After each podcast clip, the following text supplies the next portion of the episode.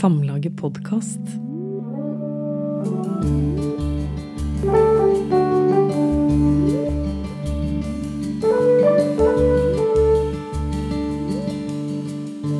Velkommen til podkast. Jeg heter Alf Kjetil Valgermo, og jeg sitter her med Emil André Erstad. Vi er faktisk kollegaer, både på Samlaget og i Vårt Land, der vi begge jobber. Men eh, nå skal vi snakke om den nye boka di, Emil. 'Mørkemann. Mi reise til kristenkonservatismen og tilbake'. Aller først, eh, Emil. Mørkemann. Eh, er du en mørkemann? Nei, ikke i dag, vil jeg. Jeg tror ikke jeg vil si at jeg er det i dag. og jeg vet ikke, Det begrepet ble vel skapt om uh, Dagfinn Høybråten, kanskje, av uh, vonde tunge i Dagbladet, som mente at han sto for en, uh, en litt sånn mørk og kjip variant av kristendommen. men, men jeg beskriver vel mer hvordan jeg var tidligere, og hvordan jeg oppførte meg enn en, beskrivelse av hvem jeg er i dag. Og uh, ja, det jeg sier heller ikke at alle andre som mente det jeg um, Eller mener det jeg mente, er mørkemenn. Mm.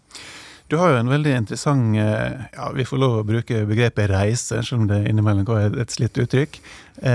Du kommer jo fra en familie som, som ikke egentlig er spesielt kristenkonservativ.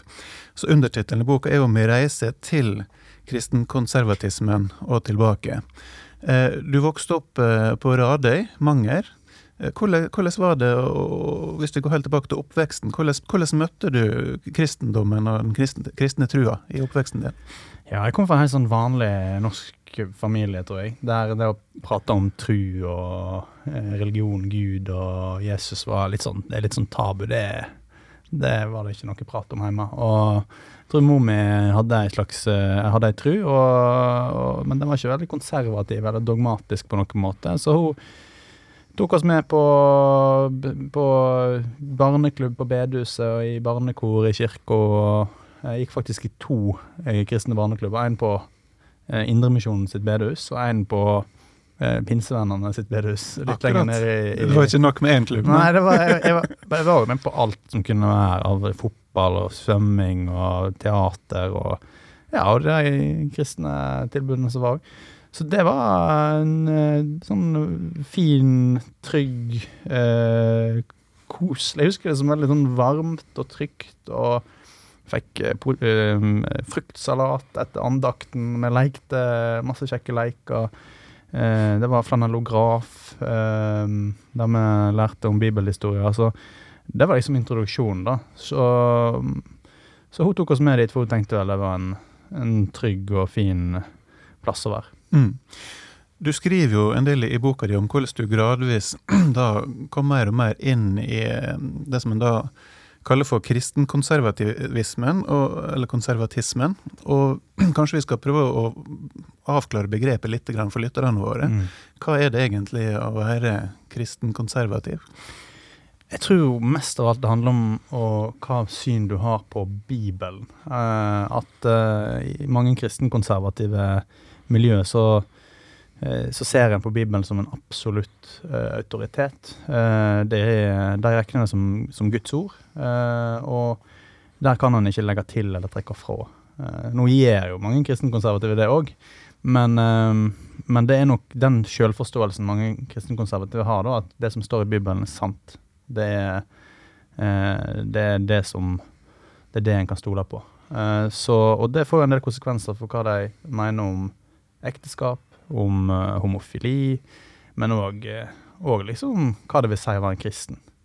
Eh, som, har, som, som mange kristenkonservative har en veldig eh, klar forståelse av. Mm.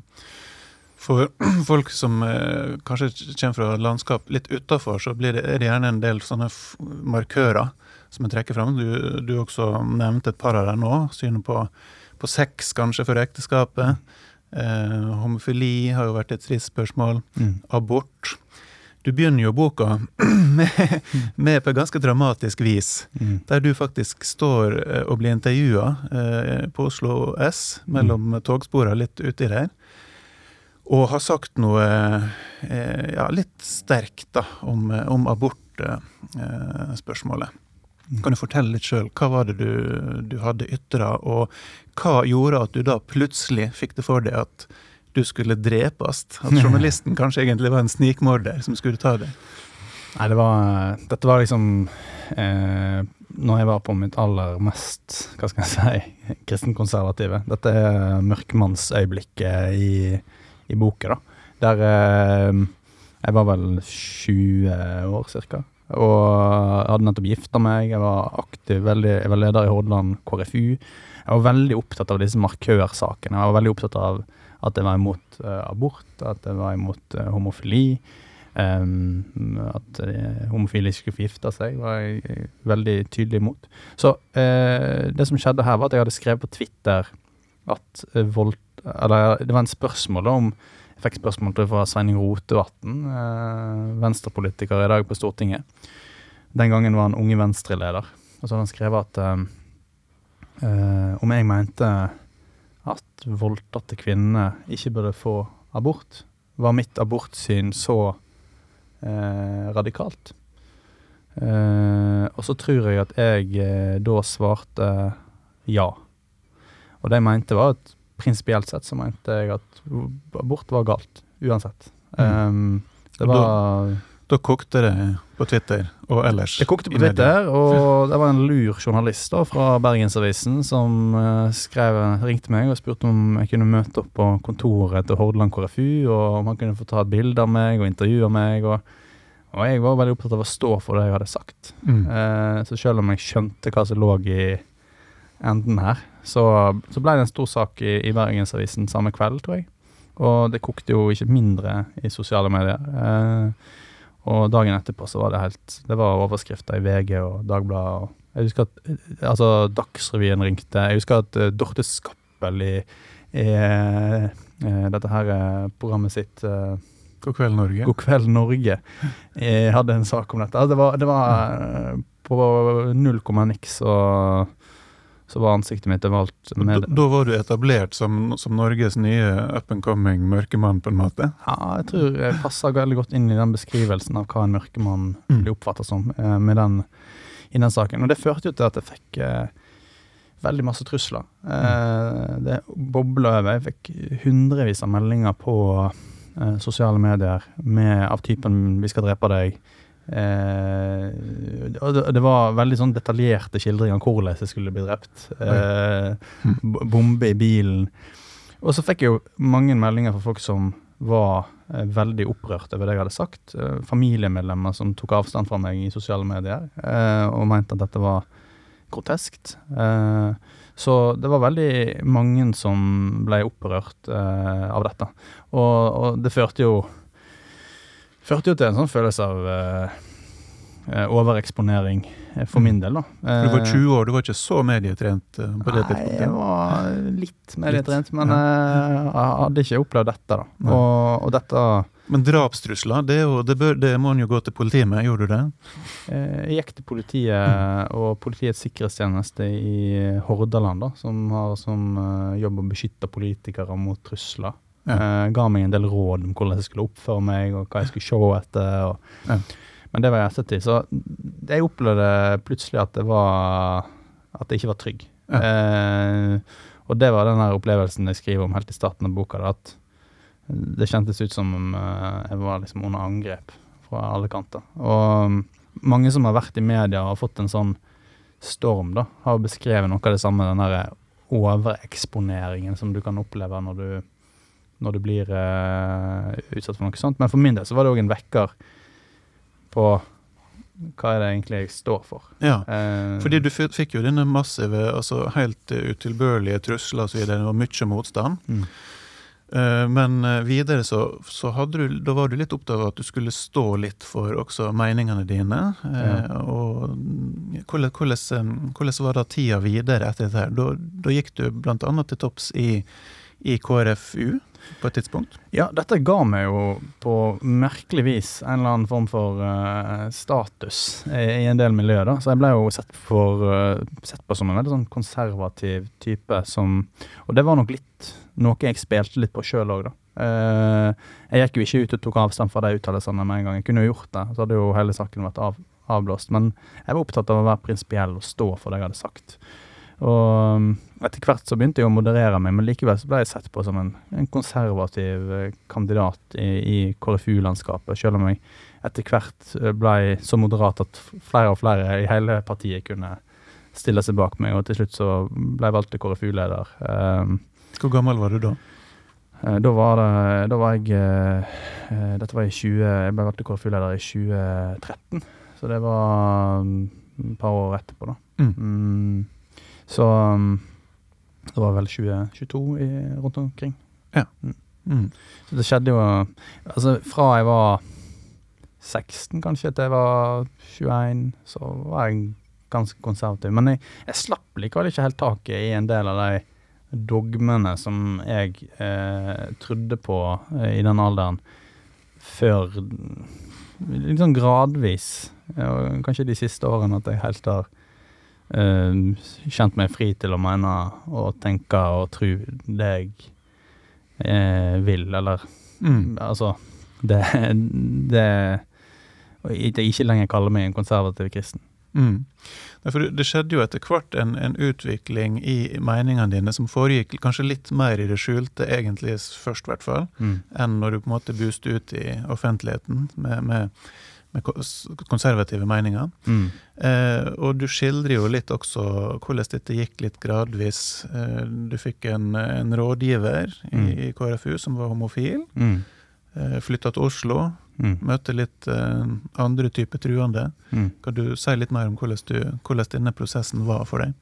Ja, altså, jeg tror kjernen i, i det var at øh, jeg ikke ble liksom støtt vekk. Altså, jeg, jeg er veldig redd for den tendensen i samfunnsdebatten med at vi skal liksom no-platforme folk, og at vi skal liksom isolere de som eh, tror eller tenker annerledes. For jeg tror det som var helt avgjørende for min del, eh, og som gjør at jeg eh, kjente meg fri til å tenke annerledes enn enn jeg gjorde der, var at eh, jeg ble hele tida utfordra og tatt på alvor av folk som mente noe annet.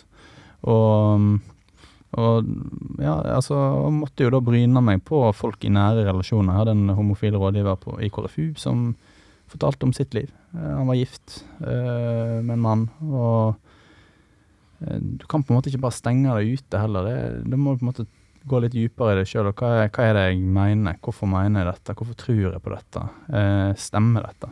Mm. Er, det, er, det, er det sant for meg? Er det sant i det hele tatt? Eh, Går det an å være en kristen og likevel mene at homofile skal kunne gifte seg?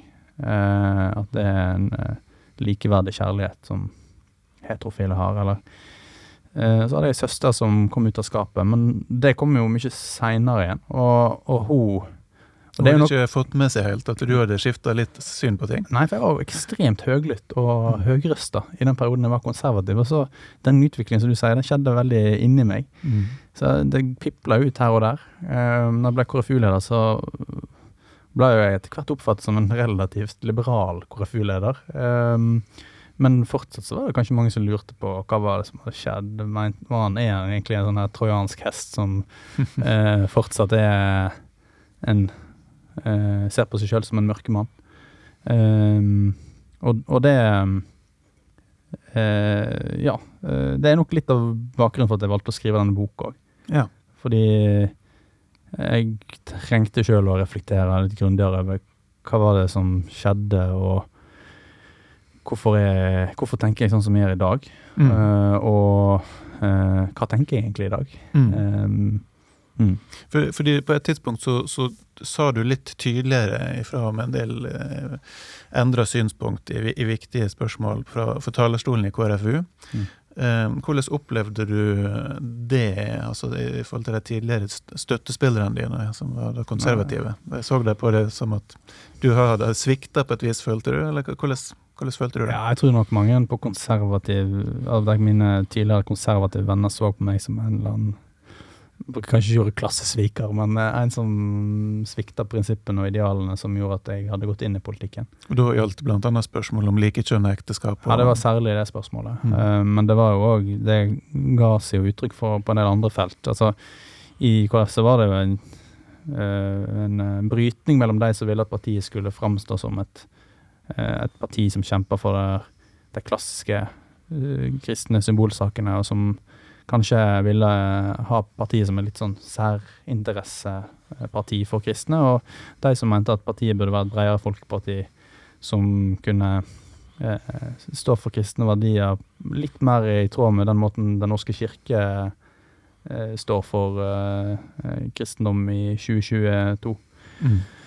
Eh, så det, de, på, de som hadde, der jeg hadde hatt støtten min, var jo blant de konservative. Så, så sånn sett så var det nok sikkert noen som kjente seg eh, dolka i ryggen av eh, at jeg endra syn. Mm. Samtidig så fortsatte du jo også den politiske karrieren. Du ble rådgiver for Knut Arild Hareide, og du var nokså sentral i den ganske store saken som mange vil huske for noen få år siden, nemlig KrFs såkalte retningsvalg. Mm.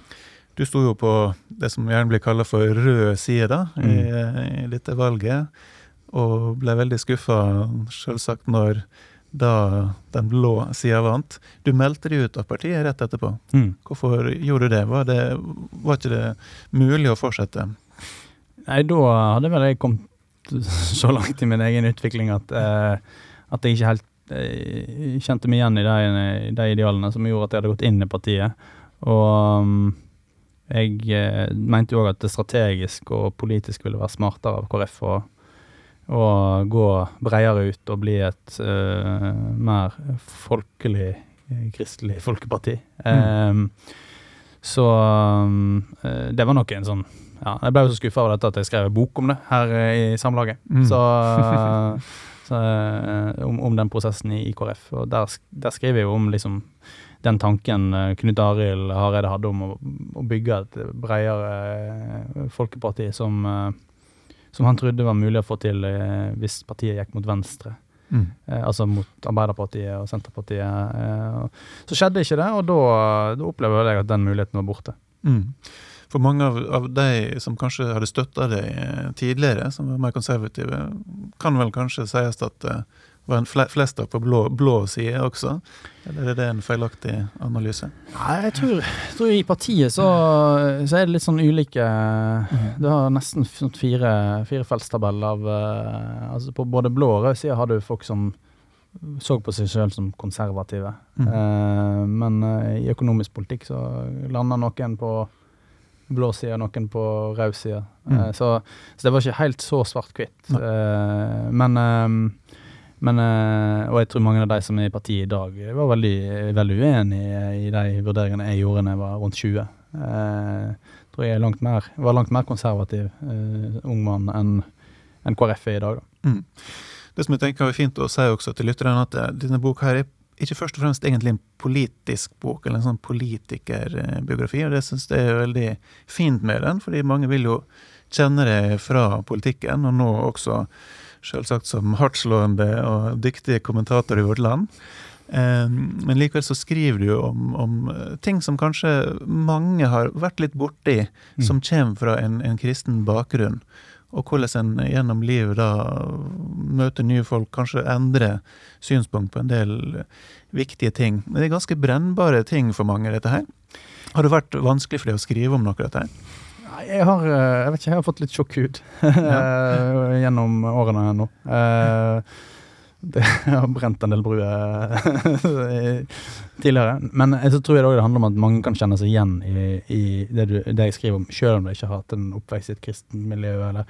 Det kan hende de var en del av en annen bevegelse. Mm. En annen, altså At de var, opplevde at de var mer radikale i ungdommen enn, enn de er i dag. jeg tror det er en veldig sånn mange overføringsverdier her. Ja, jeg tror det er liksom en sånn veldig universell uh, Jeg har fått flere tilbakemelding om det faktisk nå i forbindelse med at boken uh, blir lansert. Mm. Uh, at de, de kjenner seg igjen i dette, men det er helt fra et helt annet utgangspunkt. Eksempel en som skrev til meg at han var veldig sånn predikerende ateist i ungdommen, og nå, nå hadde han liksom Eh, lagt dette Han hadde blitt litt mjukere i kantene. Hadde ikke alle svar lenger, men han var eh, Han kanskje så på seg selv som agnostiker. Ja. Eh, så, så, jeg tror nok Og hvis du har, en, har, vært i en eller annen miljøbevegelse og hatt alle svar på alle spørsmål mm. når du var 16, 18-20 år, eh, så kan det hende du blir litt mer pragmatisk. Og, men det skjer jo ikke med alle, og det skriver jeg om i, i, i bok òg, at for noen så går det jo går en jo gjennom livet og mener og tror nesten det samme som en gjorde i ungdommen. Og jeg, jeg var veldig interessert i, i hva, er, hva er det som gjør at vi, Mm. eh, at vi er så ulike, da. For det er sånn som jeg oppfatter det, så er det også øh, prøver du å få fram flere plasser at du har respekt for de som ikke tar samme veien som deg, men som blir stående på, Mm. på de konservative standpunktene sine òg. Altså, jeg sier at noen av de fineste folkene jeg kjenner i, i livet mitt, er jo konservative kristne. Eh, så det har jeg, har stor respekt for at folk tar ulike valg knyttet til hva de tror på, og hva verdier de har. Og jeg prøver ikke Dette er ikke en sånn bok der jeg prøver å eh, pisse på konservative kristne og si ha-ha, jeg kommer ut. Mm. Det er ikke en sånn her eh, eh, escape-bok. Mm. men eh, Og jeg prøver å eh, Altså sånn Når jeg tenker tilbake på hvordan det var i, i de konservative kristne miljøene, hva som gjorde at jeg var der så lenge og opplevde det som uh, meningsfullt og fint, så er det jo prøve å liksom skildre uh, de gode stundene der, og det fine jeg opplevde, og relasjonene jeg hadde, og hva det Mm. betydde. Og den, det var en veldig, veldig sterk følelse av menings... Uh, eh, altså av mening, da. Eh, at den trodde på noe større, at den sto i et veldig sterkt og solid fellesskap med noen som var overbevist om det samme. Mm.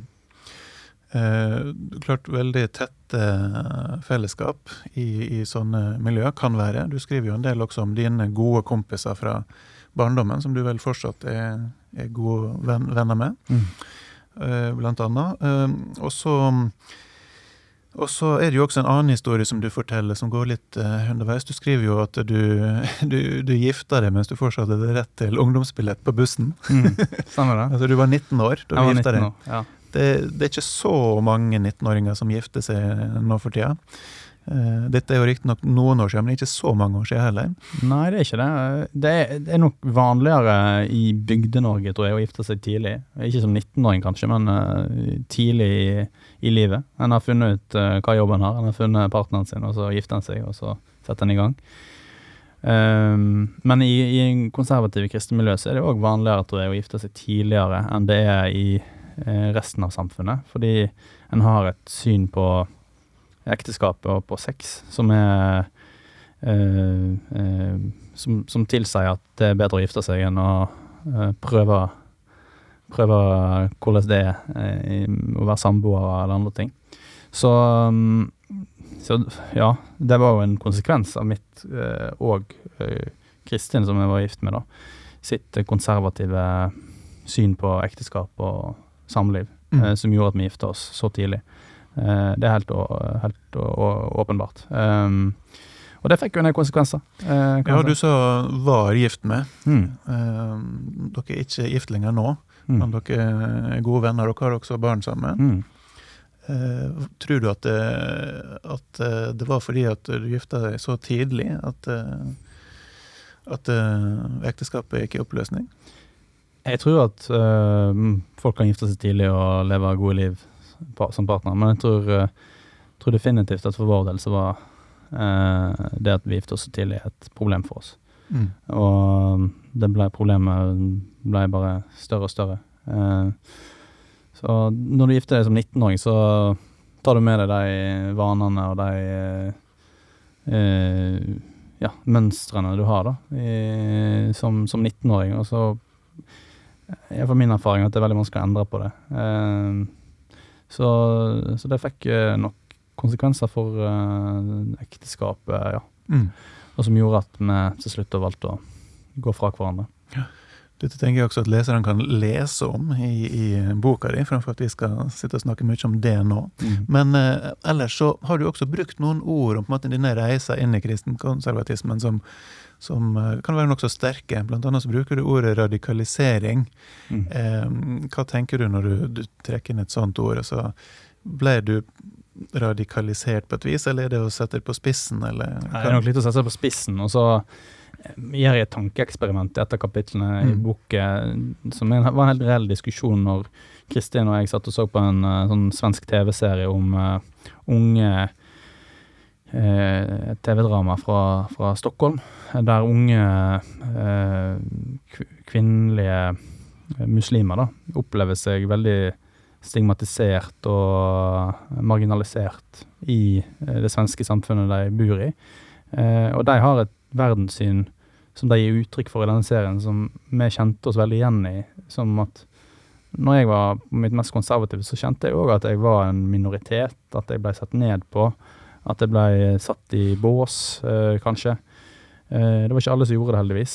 Men eh, eh, jeg opplevde liksom at det jeg trodde på, var eh, eh, noe rart. Et utskudd. Eh, og jeg så jo òg på samfunnet med litt sånn forakt eh, på ting som skjedde med, ja, med en sånn djup mistro til at folk visste sitt eget beste. Og jeg har prøvd å finne noen av de tingene jeg skrev, Mm. fordi det er enkelte som kjenner meg, og som har møtt meg på ulike tidspunkt i livet, som ikke kanskje helt kjenner seg igjen i at jeg var Som sier 'nei, men du var ikke så konservativ', eller 'du var ikke så sånn du tenkte', eller Og det er jo klart, eh, jeg har jo vært et menneske som er tusen uh, ulike sider, jeg, som alle andre. Og, men uh, jeg har gått tilbake og sett hva jeg skrev, uh, og det var jo gjerne et uttrykk for hva jeg mente. Mm. Og, og da gir jeg veldig tydelig uttrykk for, for den, det verdenssynet som jeg kjente igjen i den TV-serien. Eh, og da skrev jeg, skrev jeg liksom litt om ja, hva er det som skiller, hvorfor, hvorfor gikk ikke det så langt eh, med meg? Jeg var religiøs, overbevist. Jeg hadde en veldig streng eh, overbevisning. Hvorfor ville ikke jeg drive og lage terror og og så skriver jeg jo det er jo et tankeeksperiment som kanskje er litt sånn Noen kan mene er litt søkt, eh, men eh, jeg syns det en var en interessant diskusjon som, som Kristin og jeg hadde, da. Og at det kunne være noe som kunne passe inn i boken. Mm. Så er det jo på, I en del år så, så hadde du en veldig sånn eh, en tankegang om på en måte Altså, tanken om de to utganger er jo noe som er kjent for mange kristne. altså Mm. Enten kommer en til himmelen, eller så kommer en til helvete. Dette var veldig sånn reelt, reelt for deg i, i mange år når du, du møtte andre, og også diskuterte med andre, nærmest. Kan du fortelle litt om hvordan du tenkte? Jeg tenkte jo dette sånn, altså Hvis en tror på helvete da, og himmel, eh, og at det er to utganger av livet, så er det jo enorme konsekvenser. Eh, fordi det betyr jo at enten så tilbringer du evigheten i en av de. Og de som ikke tror på Jesus, tenkte jeg da, de havner i helvete. Og jeg vet jeg kjenner jo veldig mange som tror dette i dag. eh, og jeg skriver jo om en av de i, i boken, en av de kompisene mine fra Radøy, som fortsatt eh, tror dette.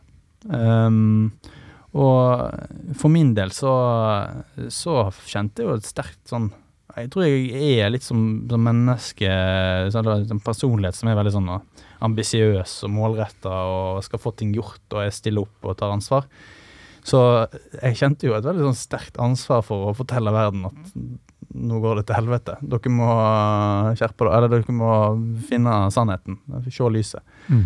Uh, og det kjente jeg jo et ansvar for i nære relasjoner. eh, med familien min og med venner jeg hadde. Ja, For du var redd for at egen mor skulle Ja. gå den retninga? Absolutt. Og det var helt, en helt reell frykt jeg satt med, og Ja. som jeg tenkte eh, mye på. Har du snakka, mye med henne om det i etterkant? Altså, Ja, vi har prata litt om det. Mm. eh, om, eh, om hvordan det Hun var jo veldig bekymra for hvor radikal jeg var blitt. Eh, og når jeg sier radikalisering, så mener jeg jo liksom Det er veldig vanlig i konservative kristne miljø å snakke om Og ikke si at man er konservativ kristen, men si at man er radikal. Mm.